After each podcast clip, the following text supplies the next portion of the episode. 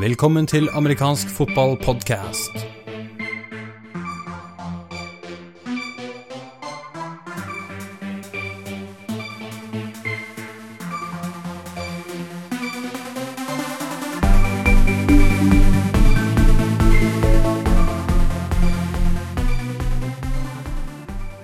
Og velkommen til eh, episode 11 i amerikansk fotballpodkast. Denne podkasten skal ta for seg I første omgang får vi besøk av eh, Jon Bakken, ildsjel hos Åsane Seahawks og også skribent hos amfotball.com.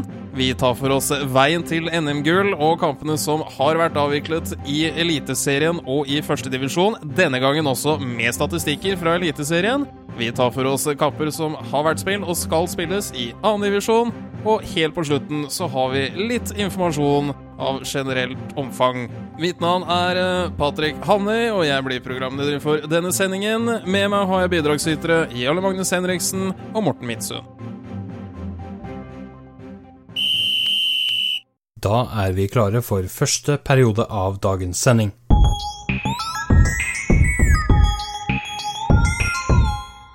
Da ønsker vi velkommen til eh, amerikansk fotballpodkast. Mitt navn er Patrick Hamnøy. I denne sekvensen så har vi fått besøk av Jon Bakken fra Åsane Seahawks. Velkommen. Hei sann, takk for det. Du, vi har uh, tatt kontakt med deg nå i dag for å snakke litt om uh, det som ja, er Norges utvetydig beste livestream. Jeg tror ikke du kommer til å finne noen som er uh, uenig i, i det. Altså, hvor, hvor lenge har dere holdt på med disse livestreamingene? Jeg sjekket litt på dette her, eh, abonnementet som vi har på denne 4G-ruta vår. Så det ble, eh, eh, det ble inngått i fjor i begynnelsen av mai, så da var det da vi begynte. Dere har ikke holdt på lenger enn et år, altså? Nei. Det føles som dere har holdt på med dette her i en, eh, i en evighet, eh, men da har dere da er det håp for andre også å begynne. Ja da. Du vet når det ikke er på en måte er så veldig mange andre som er i gang, så kan jo det virke både flott og fancy det som blir presentert. sånn. Så, Jo, men Det har vi jo sett i år, at det er flere klubber som har eh, denne live videofunksjonen på, på Facebook. Mm. uten at jeg helt er 100 om det er bare å sette opp en mobiltelefon og begynne å filme. Det vet jeg egentlig ikke nok om. Men store forskjellen med dere er Én ting er filming av kampen, uh, men dere har da i tillegg kommentator, som stort sett er deg. eh, ja. Enn så lenge så er det meg, ja. Så lenge så er det deg. Og så er det en del grafikk eh, involvert i, i dette her. Eh, Ja. Jeg tenkte at vi kunne bruke denne poden litt til å kanskje inspirere andre klubber til, eh, til å begynne med, med noe av det samme. Men hvis vi da tar for oss det, det, det rent tekniske, altså hva blir dette her filmet med? Altså Hvis vi tar det sånn fra begynnelsen i fjor, så, så handler jo dette om at jeg, jeg eh, rotet i noen kasser som jeg hadde. og Der fant jeg et gammelt TV-kort, og så hadde jeg en laptop, og så fant jeg et gammelt videokamera, og så satte jeg dette sammen. og så fant jeg ut, Vi kan jo streame litt. Ehm, og, og så prøvde jeg dette ut, og så fikk vi det til. Og det var helt sånne basics. Hvis du kan se det, De som ser streamene fra i fjor, så vil du se det at det er jo som vanlig SD-kvalitet, lagkvalitet. Ehm, og, og, og mer skal det på en måte egentlig ikke til. Eh, Og så er det jo litt programvare og den type ting. Nå har vi fått eh, utvidet eh, og gjort det litt mer avansert å gjøre det. Vi har klart å få til HD-kvalitet. Og det har jo litt også med, med utstyr å gjøre. Og så har man et HD-videokamera, og så må man da ha et, et sånt TV-kort som, som konverterer dette HD-signalet til PC-en. Og det, det, ja, det kostet Vi, vi fikk en eh, sponsor til å være med og investere i dette, men det kostet, den delen kostet oppunder 4000 kroner. Så det, det var jo litt av en investering. Men, men det gikk jo på en måte ikke på klubbbudsjettet. Vi fikk, det, vi fikk også noen til å spesifikt gå inn og finansiere den komponenten for oss. da. Ja, du nevnte, du nevnte programvare uh, i dette her. Er det, er det da en dedikert programvare som tar for seg uh, det at vi ser score, at vi ser hvilke lag dere er, og nå har dere også hvorvidt det er flagg på spillet? Ja, det som, det som er I Oslo uh, VIF Trolls har vel eh, brukt jeg ser på denne NM-kampen i fjor, var det vel også, og på den landskampen som ble spilt i, fjor, så, så brukte de også Det et Wirecast. Eh, og det er egentlig et litt eh, eh, ja, altså Du kan gjøre veldig mye mer med det enn du egentlig gjør når du setter i gang. Eh, For der er det også sånn skårtavleløsning og de type tingene der. Men nå er det sånn at jeg er kanskje litt sånn over gjennomsnittet eh, interessert i dette her og, og begeistret for sånn digital grafikk og sånn. Så jeg har gått inn og så har jeg modifisert det programmet litt. og sånn at Istedenfor at man har disse standard skårtavlene som man har med, eh, som følger programmet, så, så, eh, så kan vi da ha en, en sånn ja, spesialdesignet greie da, med logoene på og, og, den type ting. da. Men ellers så bare trykker du på litt knapper og, og plusser på med antall poeng som de får, og sånn, og så kommer de opp i, i skårtavlen. Så, så, man trenger på en måte ikke å ha en, en, en veldig sånn stor interesse for, uh, for, å gå litt i dybden og, og, og, gjøre grafisk arbeid her. For det er veldig enkelt å ta dette her i bruk. Det er veldig intuitivt og, og nærmest selvforklarende. Uh, så, så, det var liksom ikke noe tanke om å prøve å begynne å lete etter noe annet når vi fant det der. Men er det du det, Dette man oppdateres manuelt, og da er det én person som tar seg alt fra filming til dataoppdatering, eh, og det er deg? Nei, jeg har heldigvis har jeg med noen som filmer. Uh, nå er det klart at jeg kunne nok uh, gjort dette her uh, alene uh, til en viss grad. Da hadde det blitt litt mindre grafikk, og så hadde det blitt på å si, filming as usual. Eh, men fordi at jeg har en som står på kamera og beveger det og sørger for å zoome alt det der, så kan jeg da sitte og konsentrere meg om det der med, med tid det er flagg og hvor tid det er timeout, og sitte på indikatorer i forhold til det og de tingene der. For, for, for det der med timeout-indikatorer og sånn, Programmet er jo ikke laget for amerikansk fotball, så det, det med timeout-indikatorer og sånn, det er sånn som jeg har trikset til på egen hånd. Men, uh, men igjen så er jo ikke det strengt tatt nødvendig. Det er jo bare fordi jeg syns det er grådig gøy. Ok, så for det, det, høres ut som det er enkelt for deg, men for en hvem som helst annen så er det kanskje ikke fullt så enkelt. Men, men, hva vil du mene? Nei, altså programmet er enkelt. Du kan få frem det som du primært ønsker å få til, nemlig en god uh, livestream. Uh, med grafiske elementer i forhold til introer på skjermen og i forhold til presentasjon og spiller og alle de tingene der. Men når du skal i gang med å Eh, og for så vidt også det å ha opp en liten sånn flaggindikator. Det er heller ikke en så, sånn stor greie. Men når du skal da eh, trikse til denne scoreboarden med, med sånn som eh, timeout-indikatorer og, og, og, ja, hvilken periode det er og sånne ting, så, så kreves det på en måte litt, grann, litt grann mer. Men, men, en, det, det finnes flotte scoreboarder der, der du kan ligge til eh, si, poengene, lagets navn, poengene de får underveis, og, og, og, hvilken periode det er. De tingene er inkorporert i, i spillet fra, eh, fra, begynnelsen av idet du tar det ut av boksen. Okay. Så, så, det er helt suverent, egentlig. også. Og programmet det het Wirecast, sa du? Ja. ja. Okay. Har dere noe, hva, hva, har dere hatt av seertall på dette her? Sånn uh, i snitt og topptall eventuelt? Uh, ja, altså uh, Samtidig høyeste antall samtidige seere er jo litt de tallene vi, vi, vi ser på. da. Uh, og Det er jo da hvor mange som faktisk er koblet til dette. Og er Drammenskampen da hadde vi 150 stykker, så det er jo på en måte ikke de svimlende tallene. Men det sitter også 150 maskiner rundt omkring og, og videreformidler dette. Og så har vi fått noen tilbakemeldinger innimellom at enkelte steder så har de litt sånn fotballparty. Da sitter det en syv-åtte stykker sammen og kikker på dette her. Og, vi, og, det, og det er jo rasende festlig. Og så har vi hatt eh, seere fra Eh, som, som, ser på en måte hele kampene, eh, både fra Italia, Berge, eh, England, Belgia, Tyskland. Ja, sa jeg Frankrike, England, USA, Mexico. Island er jo litt populær disse dager. Ja, det kan jeg se for meg. Så, ja, der. Så, ja da, så, så, og all denne statistikken får vi etterpå. Så det at vi har Sånn som kampen i, i dag, f.eks. Eller hvis vi tar kampen i går, da. Der var det Eh, høyeste samtidig antallet seere det var 92, og de så til sammen 100 og noen og 90 timer. Og med kampen på det, eh, tanke på at eh, selve kampen var ca. 2 12 timer lang, så jeg har jo flesteparten av disse her da sett hele kampen. Så det er ikke, ikke bare sånne folk som er innom. Vi har hatt, vi har hatt en som var litt innom, det var, det var eh, fra Nord-Korea. Og det er klart det er bare én i Nord-Korea som har PC, og det er Kim Jong-un. Så vi har hatt han da innom noen minutter. Se der, ja. Har dere, har dere hva skal jeg si, merka noe interesse Altså, Det er jo litt markedsføring av egen klubb, dette. Nå mener jeg ikke at det er hensikten, men det er klart at det hjelper. Har dere merket noe at dere har fått noen nye medlemmer eller interesserte på bakgrunn av disse streamene? Ikke nødvendigvis sånn direkte nye utøvere i den forstand, men vi har, har, jo, vi har, jo, litt publikum på kampene våre. da, så det at Når vi har streamet bortekampen og sånn, så kommer de til og med noen på, til hjemmekampene våre, selv om de også streames. Eh, og det er jo veldig hyggelig. Og, og, så har vi fått noen ekstra støttespillere som vi har sagt at dette er produktet vårt, dette er det vi holder på med. Gå inn og kikk på det der. Og plutselig så fikk vi inn en ny sponsor som fikk med reklamen sin da på disse streamene våre. Så, så, at det har en misjon utover at det er bare kult, det er jo, det er jo på en måte målsetningen med dette her, da. Og over tid så tror vi det at dette kan skape litt større interesse. Ikke bare lokalt, men forhåpentligvis også nasjonalt. Er det noen planer om å utvide dette her, og kanskje kjøre noe flerkameraoppsett på sikt, eller blir det litt i overkant? Nei da. Vi, vi, har Jeg syns jo dette er så fornøyelig at jeg har jo begynt å gå og kjøpe litt sånn eh, egne komponenter og sånn, så jeg har fått tak i en sånn Terradek-klipp. Og det er rett og slett en liten sånn trådløs komponent. Så eh, hvis alle gode guder står med bi, så kan det være at til neste år så har vi eh, noen som løper rundt med et lite sånn her eh, kamera i hjelmen, og så viser vi det live underveis. da. Det blir spennende å følge med på. Sånn eh, helt på tampen, Jon, vi får benytte anledningen og, gratulere Åsane Seahawks med foreløpig ubeseiret på senior, meg bekjent, og relativt legger godt an på, på U17 også. Det må da føles godt? Ja da, vi har jo på en måte en historie der det sportslige ikke har vært hovedfokuset vårt. Så det er klart det at vi har kommet over i en fase der vi har kultur kulturen den er så godt innarbeidet nå at uh, den tiltrekker gode utøvere. og uh, Da kommer det der sportslige litt sånn på, som en bonus av seg sjøl.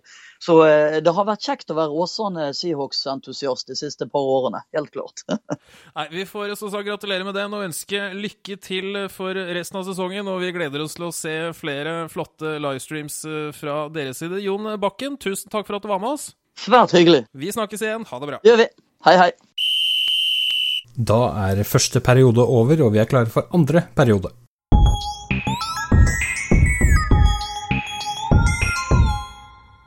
Og vi fortsetter videre her på amerikansk fotballpodkast, og nå skal vi ta for oss veien til NM-gull, som stadig nærmer seg.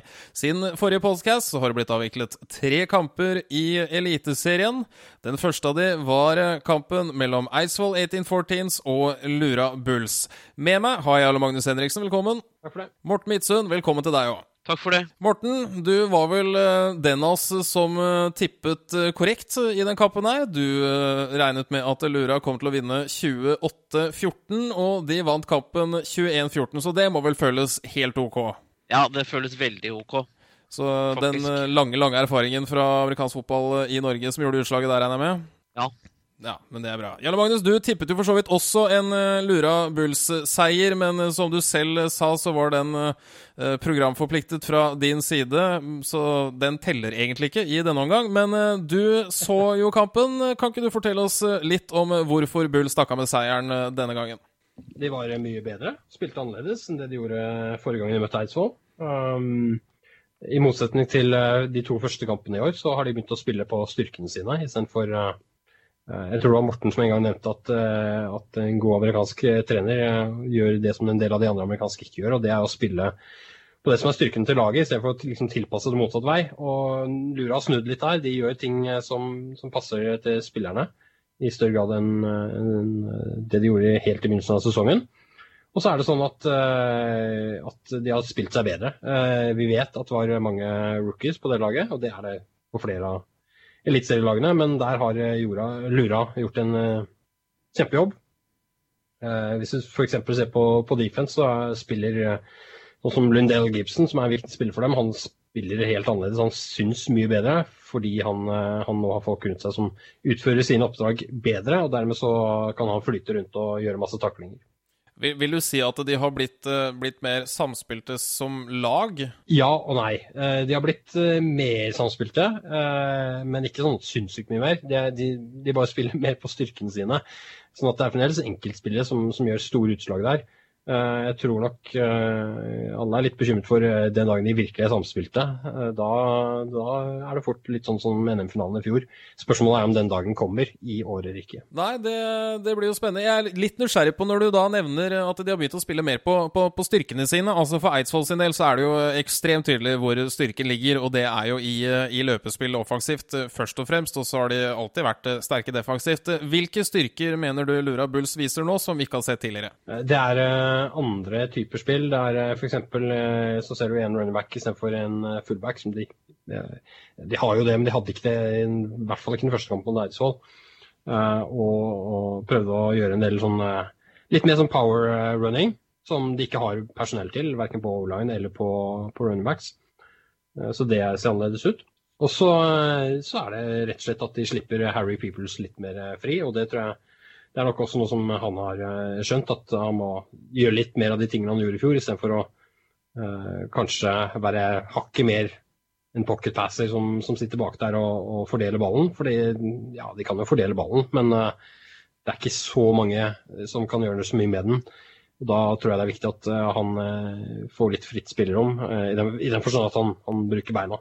Uh, akkurat det skal vi komme litt eh, tilbake til, for det, noe som er veldig, veldig gøy nå, er at vi har eh, fått eh, statistikk på eh, kampene som er blitt avviklet i Eliteserien. Og i den forbindelse så tror jeg et samlet amerikansk fotball i Norge-miljø, for å formulere det sånn, kan sende en stor takk til Brage Harby, som er en spiller hos Nidaros Domers, som sitter og bruker en ganske anstendig mengde av fritiden sin på å kumulere disse statistikkene basert på, på kampfilm. Men om vi da ser litt på, på disse statistikkene, et, noe som gjør veldig, eller blir veldig tydelig i mellom kampen eh, som Bull spilte mot eh, Eidsvoll, var eh, Eidsvoll hadde virkelig eh, altså null yards i lufta.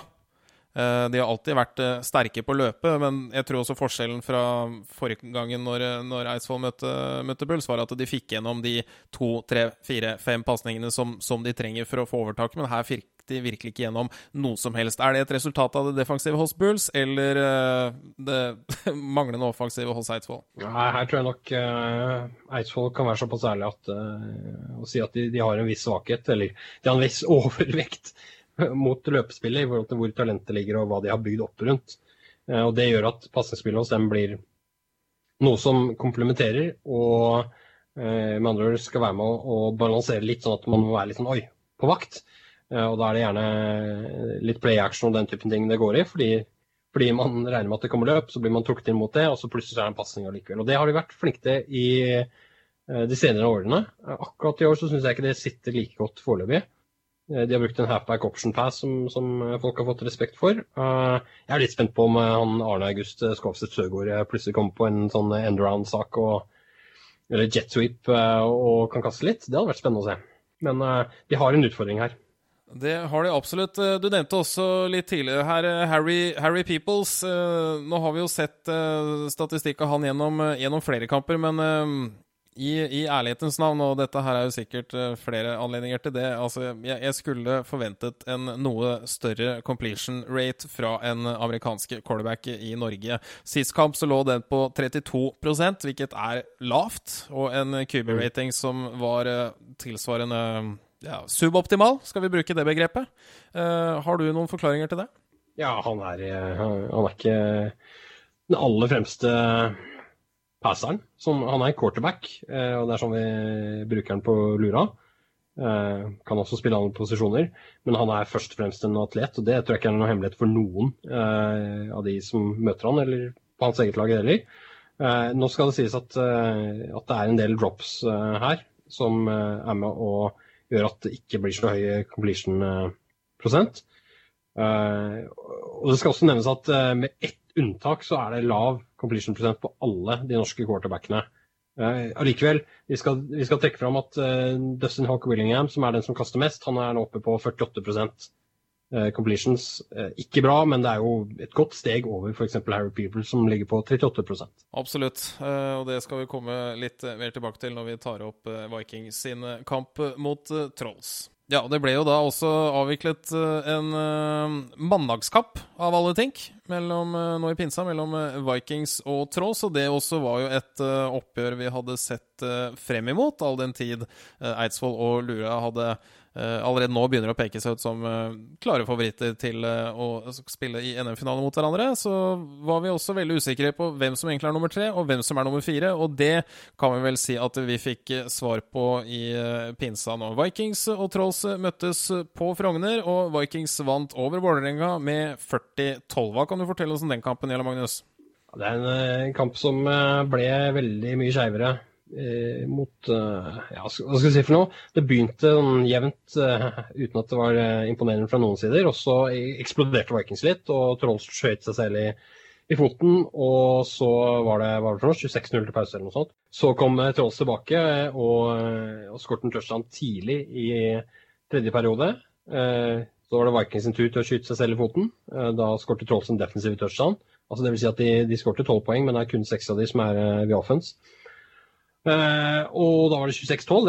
Da tenkte alle at eh, flott, eller alle, det vet jeg ikke, men i hvert fall vi tenkte at oi, dette blir jo spennende allikevel. Eh, og så sa Vikings nei, det blir det ikke, takk for følget. Og kjørte det opp til 40-12. Eh, ser vi på stats og sånt, så er det jevnere enn man skulle tro, basert på 40-12. Eh, Vikings hadde 282 eh, yards offense, mens Trolls hadde 212. og Det skyldes bl.a. at de har, de har et receiverpar som, som er veldig bra. Eh, Og som eh, var veldig synlig i denne kampen, her, hvor eh, Marlon Hilton hadde 110 yards på mottak, og Petter Torp hadde 102. Eh, Morten Midtsund, du var jo til stede på denne kampen her. Inntrykket er at flesteparten av yardsene til Trolls kom på relativt store spill av enkeltspillere, og ikke på noe tidspunkt drev ballen noe særlig. Er det inntrykk som du sitter igjen med? Ja. Jarle Magnus nevnte jo Marlon Hilton. Og uten han så hadde det vel kanskje stått litt verre til. Eh, kampen i seg sjøl var faktisk ganske morsom. sånn Det var veldig sånn i gamle dager hvor det var to lag som sto og stanga. Og så, ja Plutselig så sto det 26-0 til pause, liksom. Hvis man da ser på totale yards, så er det ikke så veldig stor forskjell. Men, men nok en gang så er det det laget som viser seg å være mest eh, ensidig, for å bruke den betegnelsen. Altså, Trolls eh, lå jo på minussiden i rushing yards på slutten av kampen, mens eh, passing yards var noenlunde likt på eh, begge sider. Er det med på å straffe Trolls, Kjell Magnus? Det er vanskelig å si eh, nei på det. Eh, Det hjelper å ha en viss balanse. Jeg syns ikke Vikings heller hadde noe spesiell balanse, da, det skal sies. Eh, I rettferdighetens navn, de hadde vel eh, to, kanskje tre, rushing touchdowns. De hadde i hvert fall tre på passing. Så sånn sett var de balanserte. Hvis du ser på antall yards, så, så er det jo passing de, de virkelig fikk til. Så vidt mer enn uh, Trolls. Uh, en fordel for dem var selvfølgelig at, uh, at de hadde en del situasjoner hvor baneposisjonen var noe fordelaktig. Eh, og det er ikke tilfeldig, det skapes jo.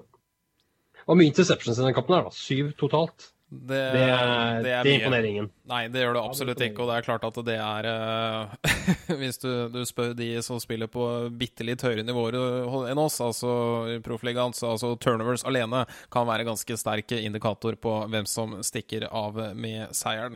Men eh, da har vi begynner å, krystallisere seg en, en topp i Eliteserien, og det begynner å krystallisere seg en eh, bånd i Eliteserien, og eh, det blir jo spennende å følge med på framover nå. Det virker som noen lag begynner å få opp eh, litt damp, og andre lag begynner å kanskje miste litt og slite litt med skader, og det ene med det andre. Den eh, tredje kampen som ble avviklet i eh, Eliteserien eh, siden forrige podkast, var eh, Vålerenga Trolls eh, som møtte Eidsvoll 1814s og tapte den kampen 26-0. Eh, Det var vel en relativt ensidig affære, Jarle Magnus? Ja, eh, 28-0, bare så det er sagt. Eh, Det var 26-0 de tapte første gangen. Da, ja. Eh, og det var litt sånn déjà vu, eh, hvis man ser på resultatet. Eh, jeg hadde nok trodd at eh, Trolls skulle greie å komme på måltavla eh, og få, få noen poeng. Eh, og det så vel et par ganger ut som de kunne gjøre noe med det. Men eh, Eidsvoll har et kjempebra forsvar, og når de holder motstanderen til under 100 yards offens offense totalt, så sier det seg selv at eh, da skal det jaggu meg vanskelig gjøres å vinne kampene for de andre. Ja, det, nå skal det jo litt flere de hadde flere, eller Trolls hadde flere passing yards enn det Eidsvoll hadde, men det er klart at når du da ligger på tosifret minus i rushing yards, så nok en gang så er det denne ensidigheten som eh, Vi skal ikke vanskelig si om det er det som gjør utslag, men det begynner å, å krystallisere seg en, en trend der. Men eh, det er ganske tydelig at eh, Eidsvoll hadde i hvert fall bestemt seg for å kaste ballen i dette oppgjøret. Eh, Eivind Brekke, som hadde hele to pasningsforsøk mot eh, Lura Bulls, var nå oppe i 18 forsøk og fullførte åtte av de. Ser vi trenden til et eh, filosofisk skifte, eller var dette her et eh, Eidsvoll som var sultent etter å vise at eh, vi kan? Det var nok mer at de ville teste ut litt og, og få det på plass. Og så ikke minst eh, så så de noen åpninger der. Det var noen kombinasjoner som uh, funka fint. Eh, fremdeles det ble et par interceptions og sånn, så det er liksom ikke smertefritt å kaste ballen her. Men jeg tror, jeg tror de gjør veldig eh, fornuftige ting når de bruker eh, muligheten nå, i eh, slutten av grunnspillet, til å få, få trent seg i kampsituasjon på akkurat den biten her, sånn at de blir mer balanserte. Og de, dette er jo den kampen hvor de har vært mest balanserte. Så det gjør det vanskeligere for motstanderne å være sikre på hva de kommer til å møte med når de møter Eidsvoll neste gang. Men, eh, men eh, Jarle Magnus, det at Trolls eh, ikke ser ut til å få løpespillet i gang offensivt. Altså, hva skyldes det? Er dette her linjespillet? Er det det at de ikke har noen dominerende running backs på lik linje som det Eidsvoll har, eller hva, hva er dette? Ja, det er en kombinasjon av flere av de elementene du nevner, men det er også en kombinasjon eh, hvor quarterback-posisjonen kommer inn. For de har nok eh, bygget opp en del rundt eh, at de hadde sett for seg å ha Atle Haaland som sin quarterback, og han kan beviselig løpe, og løpe over folk om det trengs. Sånn at de har bl.a. lagt opp et spill hvor, hvor ja, det er en del read option og sånne ting. Som eh, betyr at eh, man som defensive end, og, altså linebacker, litt avhengig av hvordan eh, oppstillingen er, vil være nølende i forhold til å angripe runningbacken, og heller respektere at quarterbacken kan komme til å løpe selv. Um, det syns jeg vi så i forrige kamp, at Eidsvoll ikke behøvde å respektere på samme måten. Eh, og da har du plutselig en defensive end som eh, slippes fri, for det blokkeschemet er ikke endra på. Uh, slipper fri og kan ta runnerbacken bak line of eh, scrimmage eller bak offensiv linje, i hvert fall. Og så er det uten at jeg har oversikten på alle som spiller på offensiv linje hos Trolls, så der kan jeg ta feil. Men eh, det ser ut for meg som at det er, det er liksom minst én som ikke får til det han skal gjøre, hver gang. Eh, og etter å ha sett Lura en del år, så vet jeg jo hvordan det er. Eh, da blir det vanskelig å gjøre det du ønsker å gjøre. Eh, hvis vi da ser litt framover, så har vi da mm, to kamper som skal spilles nå i nær fremtid. Vikings skal ta imot Bulls på Frogner stadion. Eh, etter det så skal Bulls eh, ta imot eh, Trolls hjemme i Stavanger. Eh, hvis vi ser for oss den første kampen, Oslo Vikings Lura Bulls, hva ser vi for oss der, Morten Midtsund? Jeg tror Vikings eh, går på et tap. Eh, jeg tror det blir eh, 22-14 til Lura Bulls. 22-14 til Lura Bulls er din påstand. Eh, hvis vi spør deg, eller Magnus, og ikke noe sånn programforplikta tull nå. Jo, jeg er programforpliktet til å Ok, Kan jeg få to svar, da? Det ene programforplikta, og det andre rasjonelle. Eh, Det kan du godt. Nei, eh, eh, jeg vil bare innlede med å si at jeg tror eh, Vikings kommer med et helt annet lag enn det de hadde når de spilte mot Lura sist, i Sandnes. Hvor de manglet en del nøkkelspillere, og det var folk som eh, sjangla litt rundt og så ut som de hadde vondt, men gjorde sitt ypperste allikevel. Og det tror jeg vil vise igjen. Sånn at når Morten tipper eh, 22-14 til Lura, så eh, tror jeg det er nærmere enn de 41-21 som vi så i, eh, i Sandnes. Så ja, hvis jeg skal tippe et resultat her, så sier jeg 30-26 til Lura.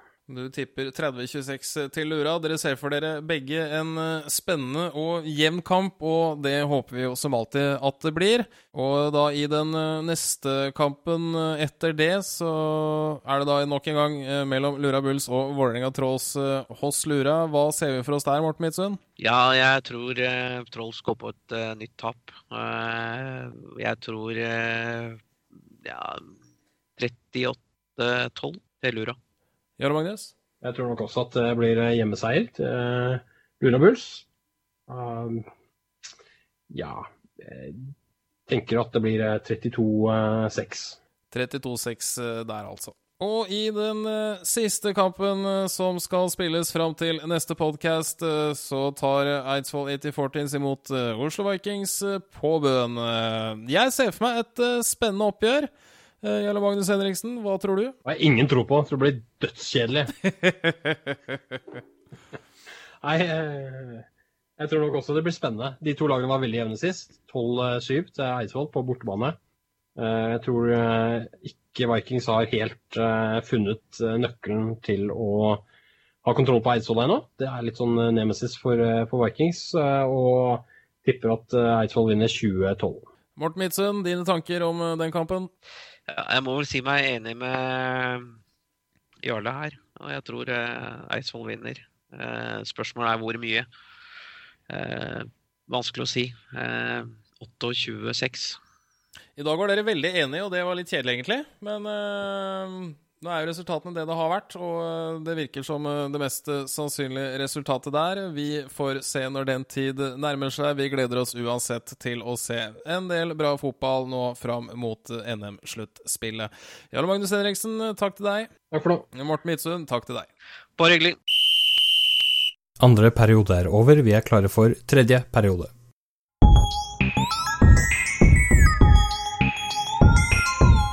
Og vi fortsetter videre med amerikanske fotballpodkast og veien til NM-gull.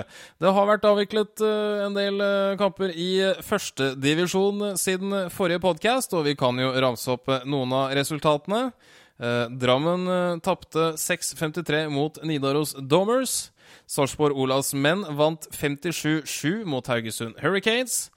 Sarpsborg spilte også mot Seahawks og tapte knepent 14-15.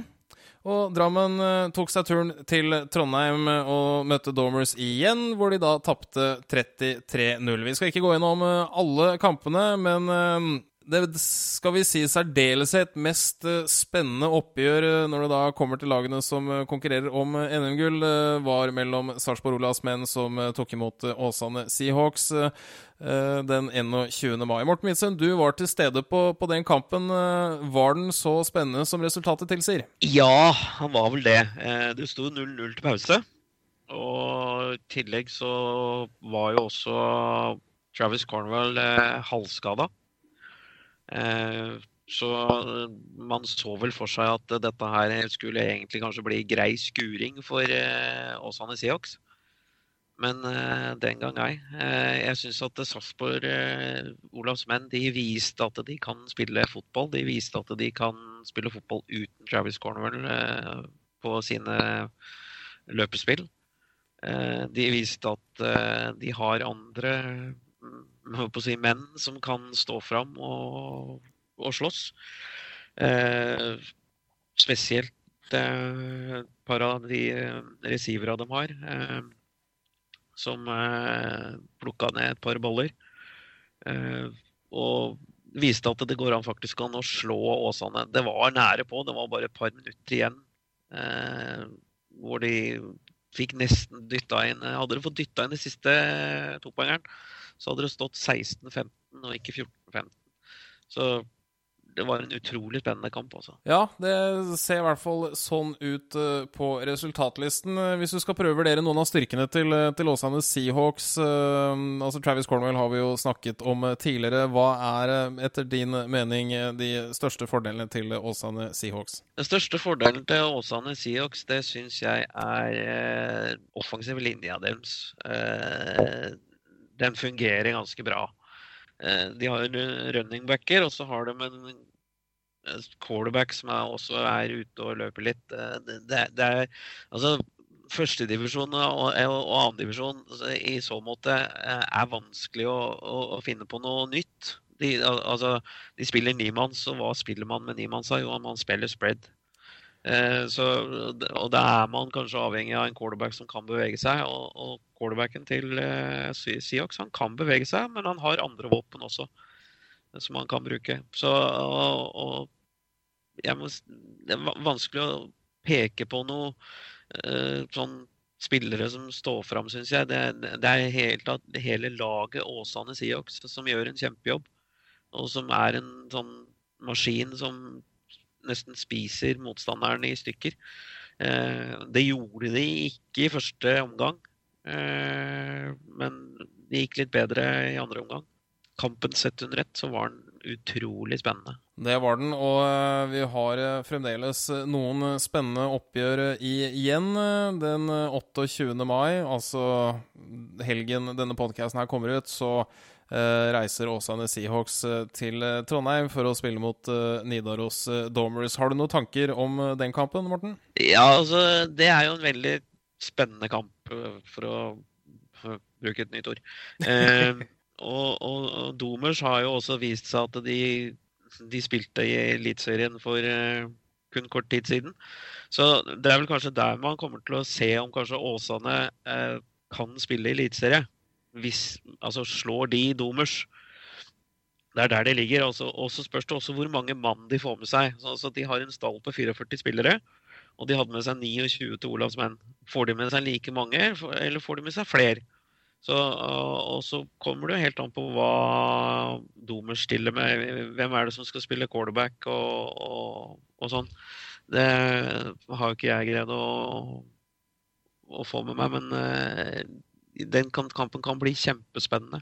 Litt synd, den skal jo ikke streames, da, men uh, det er jo litt synd. Men uh, vi får bare følge med på Twitter, alle mann. Det, det, får vi absolutt gjøre. Det er det desiderte toppoppgjøret i eh, årets førstedivisjon, sånn som tabellen ser ut nå. Og det er et oppgjør vi gleder oss til, eh, alle sammen. Hvis vi da beveger oss eh, videre ned i seriesystemet i da divisjon to, altså nimannsserien i Norge.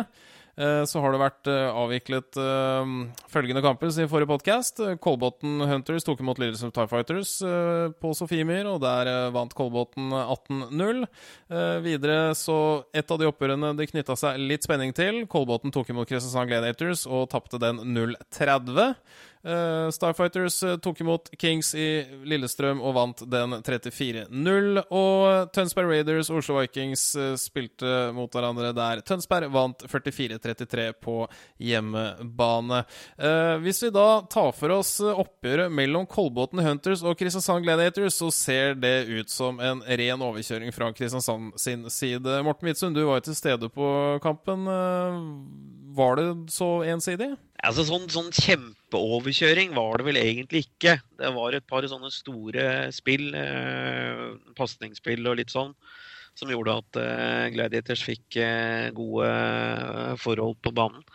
Eh, men når det skal sies, så, så syns jeg også de, de, viste hva som klart er svakheten til eh, Colbotn Hunters.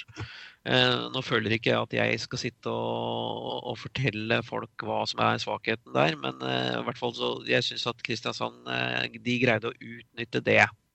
De løp mye med ballen og viste at de kanskje er et lag som kanskje ikke De hører ikke hjemme i denne divisjonen her, for å si det sånn. om de hører hjemme i Eliteserien, det gjenstår å se, men i hvert fall de burde de slo Kolbotn Hunters ganske enkelt, ganske komfortabelt, spør du meg. Eh, de viste at de har eh, spillere som har spilt eh, i Eliteserien. Hunters Det sto vel 8-0 til Kristiansand i pause, og da sprakk vel ballen litt.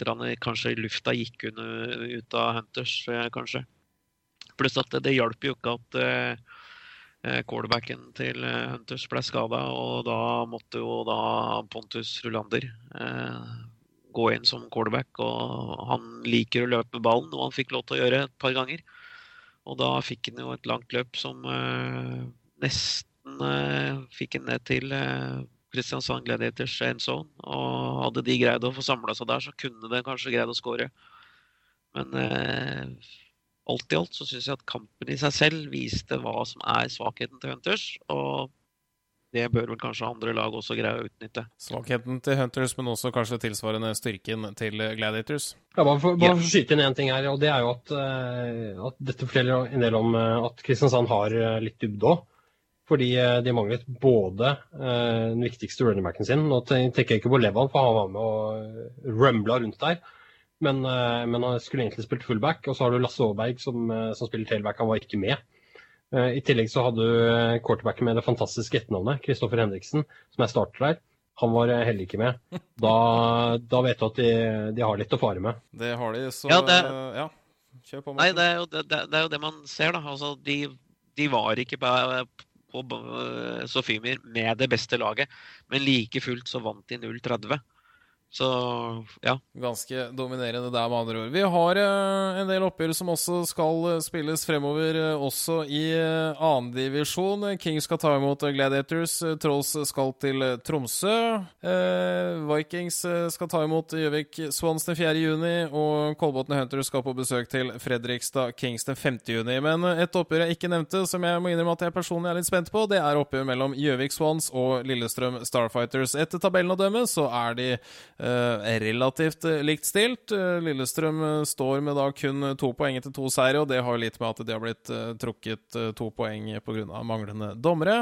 Eh, Gjøvik Swans eh, har én kamp mindre spilt, eh, men det ser ut som det er to relativt eh, jevne lag som skal møtes. Har vi noen eh, formening om hvordan det oppgjøret ender, Morten? Nei, altså Lillestrøm de eh, spilte jo, har jo nå spilt to kamper. Eh, og jeg veit ikke Jeg tror de er klare for å vise at det tapet mot uh, Hunters bare var en sånn liten tilfeldighet. uh, og at de kan slå uh, de andre laga. Så jeg tror Starfighters vinner den. Eh, tipper ja, 28-12. Jarle Magnus Henriksen, har du noe å tilføye på den kampen? Ja, Morten og jeg har vært fryktelig enige så langt i sendingen, så det er jo fristende å være uenig. Bare fordi at? Bare fordi at. Eh, eh, og da har dessverre Morten tippet på Starfighters. eh, men eh, Gjøvik har hjemmebane. De har et eh, habilt lag som, som eh, jeg tror er på vei oppover. Så eh, la meg gjette på 16 mot eh, 14. 16-14 da til Gjøvik, og som du sier, man skal heller ikke undervurdere hjemmebanefordelen på den riktige sida av Mjøsa. Vi ser fram imot eh, enda mer fotball som skal spilles. Nå er det ikke lenge igjen før eh, det er både sommeropphold og kjempekjedelig å være fotballfan i Norge igjen. Eh, fram til neste gang, Jarle Magnus Henriksen, eh, tusen takk. Takk for nå. Morten Midtsund, tusen takk. Takk for nå. Tredje periode er over, vi er klare for fjerde og siste periode.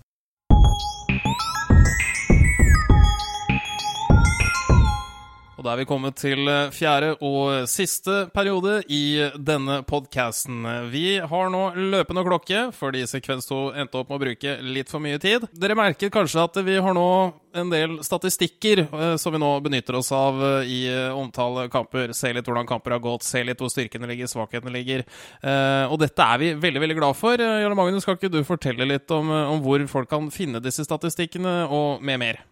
Jo, det kan jeg godt. Eh, For det første så får vi statistikker eh, som primært er gjort av en som heter Brage Harby, som sitter oppe i Trondheim og eh, er spiller til vanlig, men også bruker en del tid på det. Så det er vi veldig veldig glad for, som du var inne på. Han har begynt å legge de statistikkene som han tar, opp på Wikien. Og når jeg sier Wikien, så er det wiki.amfotball.com, som er en egen amerikansk fotball-wiki på norsk, hvor Eivind Sommerseth er redaktør. Eh, Men hvor alle kan delta og være med å legge opp eh, ting. og Det, vil også si at hvis f.eks. Brage skriver feil navn på en eh, spiller, for det er ikke alltid at vi vet hvem som er hvilket eh, draktnummer og sånn, så kan man eh, selv gå inn der og bidra til at kunnskapen blir bedre gjennom å redigere og ordne med det. Og denne Viken eh, ønsker vi oss selvsagt skal eh, vokse, vokse, vokse. Og det er eh, mange temaer som eh, ikke omhandler statistikk, som det er fullt mulig å bidra med, er det ikke sånn? Det er helt eh, riktig. Hovedessensen er at det gjelder amerikansk fotball, men det kan godt gjelde NFL eller CFL eller norsk-amerikansk fotball. Profiler i norsk-amerikansk fotball, profiler som eh, er i utlandet. Trenere, spillere, lag, ikke minst klubber i, i Norge. Skulle vi gjerne sett at flere bidrar med, med innspill på, og regler. Den typen ting. Oi, oi, oi, den døra, vil vi egentlig åpne den, eller Magnus? Regler? Eh, det vil vi, for den har blitt åpnet allerede. Noe av det første som kom, var bl.a. en del innspill fra, eller eh, skriverier fra dommer- og regelutvalget, som, eh, eller rett og sagt personer i det utvalget. Det er ikke utvalget selv som har gjort det. Så det er vi veldig glad for, og vi kan godt eh, fortsette med det. Og ikke minst definisjoner på ting innen amerikansk fotball. Ja da, absolutt. Alt som omhandler amerikansk fotball eh, på noen som helst måte. Altså, har du noe å, bidra med, så kom med det. Vi, vi tar imot ja, nesten alt, kan vi vel si. Eh, videre betreffende denne podkasten her, hvis du som lytter har et, et tema du gjerne skulle så at vi tok opp, eller eh, noe du gjerne ønsker at vi skal belyse, se litt nærmere på, så er det bare å ta kontakt eh, med oss, enten via amfopa.com eller som en melding på Facebook-siden. Og ikke minst så setter vi veldig stor pris på om dere kan ta dere tid og legge igjen en rating på podkasten på iTunes, slik at flere finner fram til eh, både podkasten i seg selv, men også da til norsk-amerikansk eh, fotball. Har du mer å tillegge deg, eller Magnus? Ikke noe annet at det er veldig godt sagt. Det, vi trenger flere innspill, og da kan vi også få en mer interessant podkast. Så kom gjerne med innspillene dine, du som eh, lytter på. Og hjelp oss eh, til at eh, lytterne kan finne fram til oss, og dermed også til klubbene og Plutselig så har vi flere lag, og det hadde vært kjekt. Det hadde vært veldig kjekt. På vegne av Jarle Magnus og meg selv, takk for nå.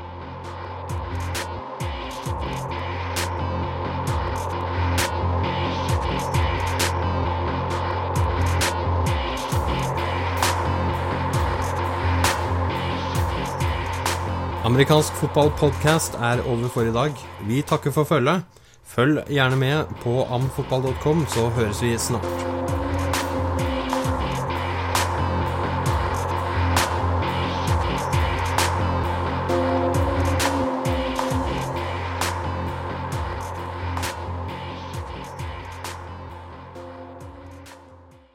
You, Alvin, you ready? Yes, sir. All right, this is Mississippi State's offensive set. Second and two on our own 24. What defensive set might we call? Eagle zipper hero unless a setback shifts into the eye. Good. Third and seven. Okie Thunder Lion, What's your assignment? kill the quarterback. Hit the tight end so hard his girlfriend dies. Kill everybody.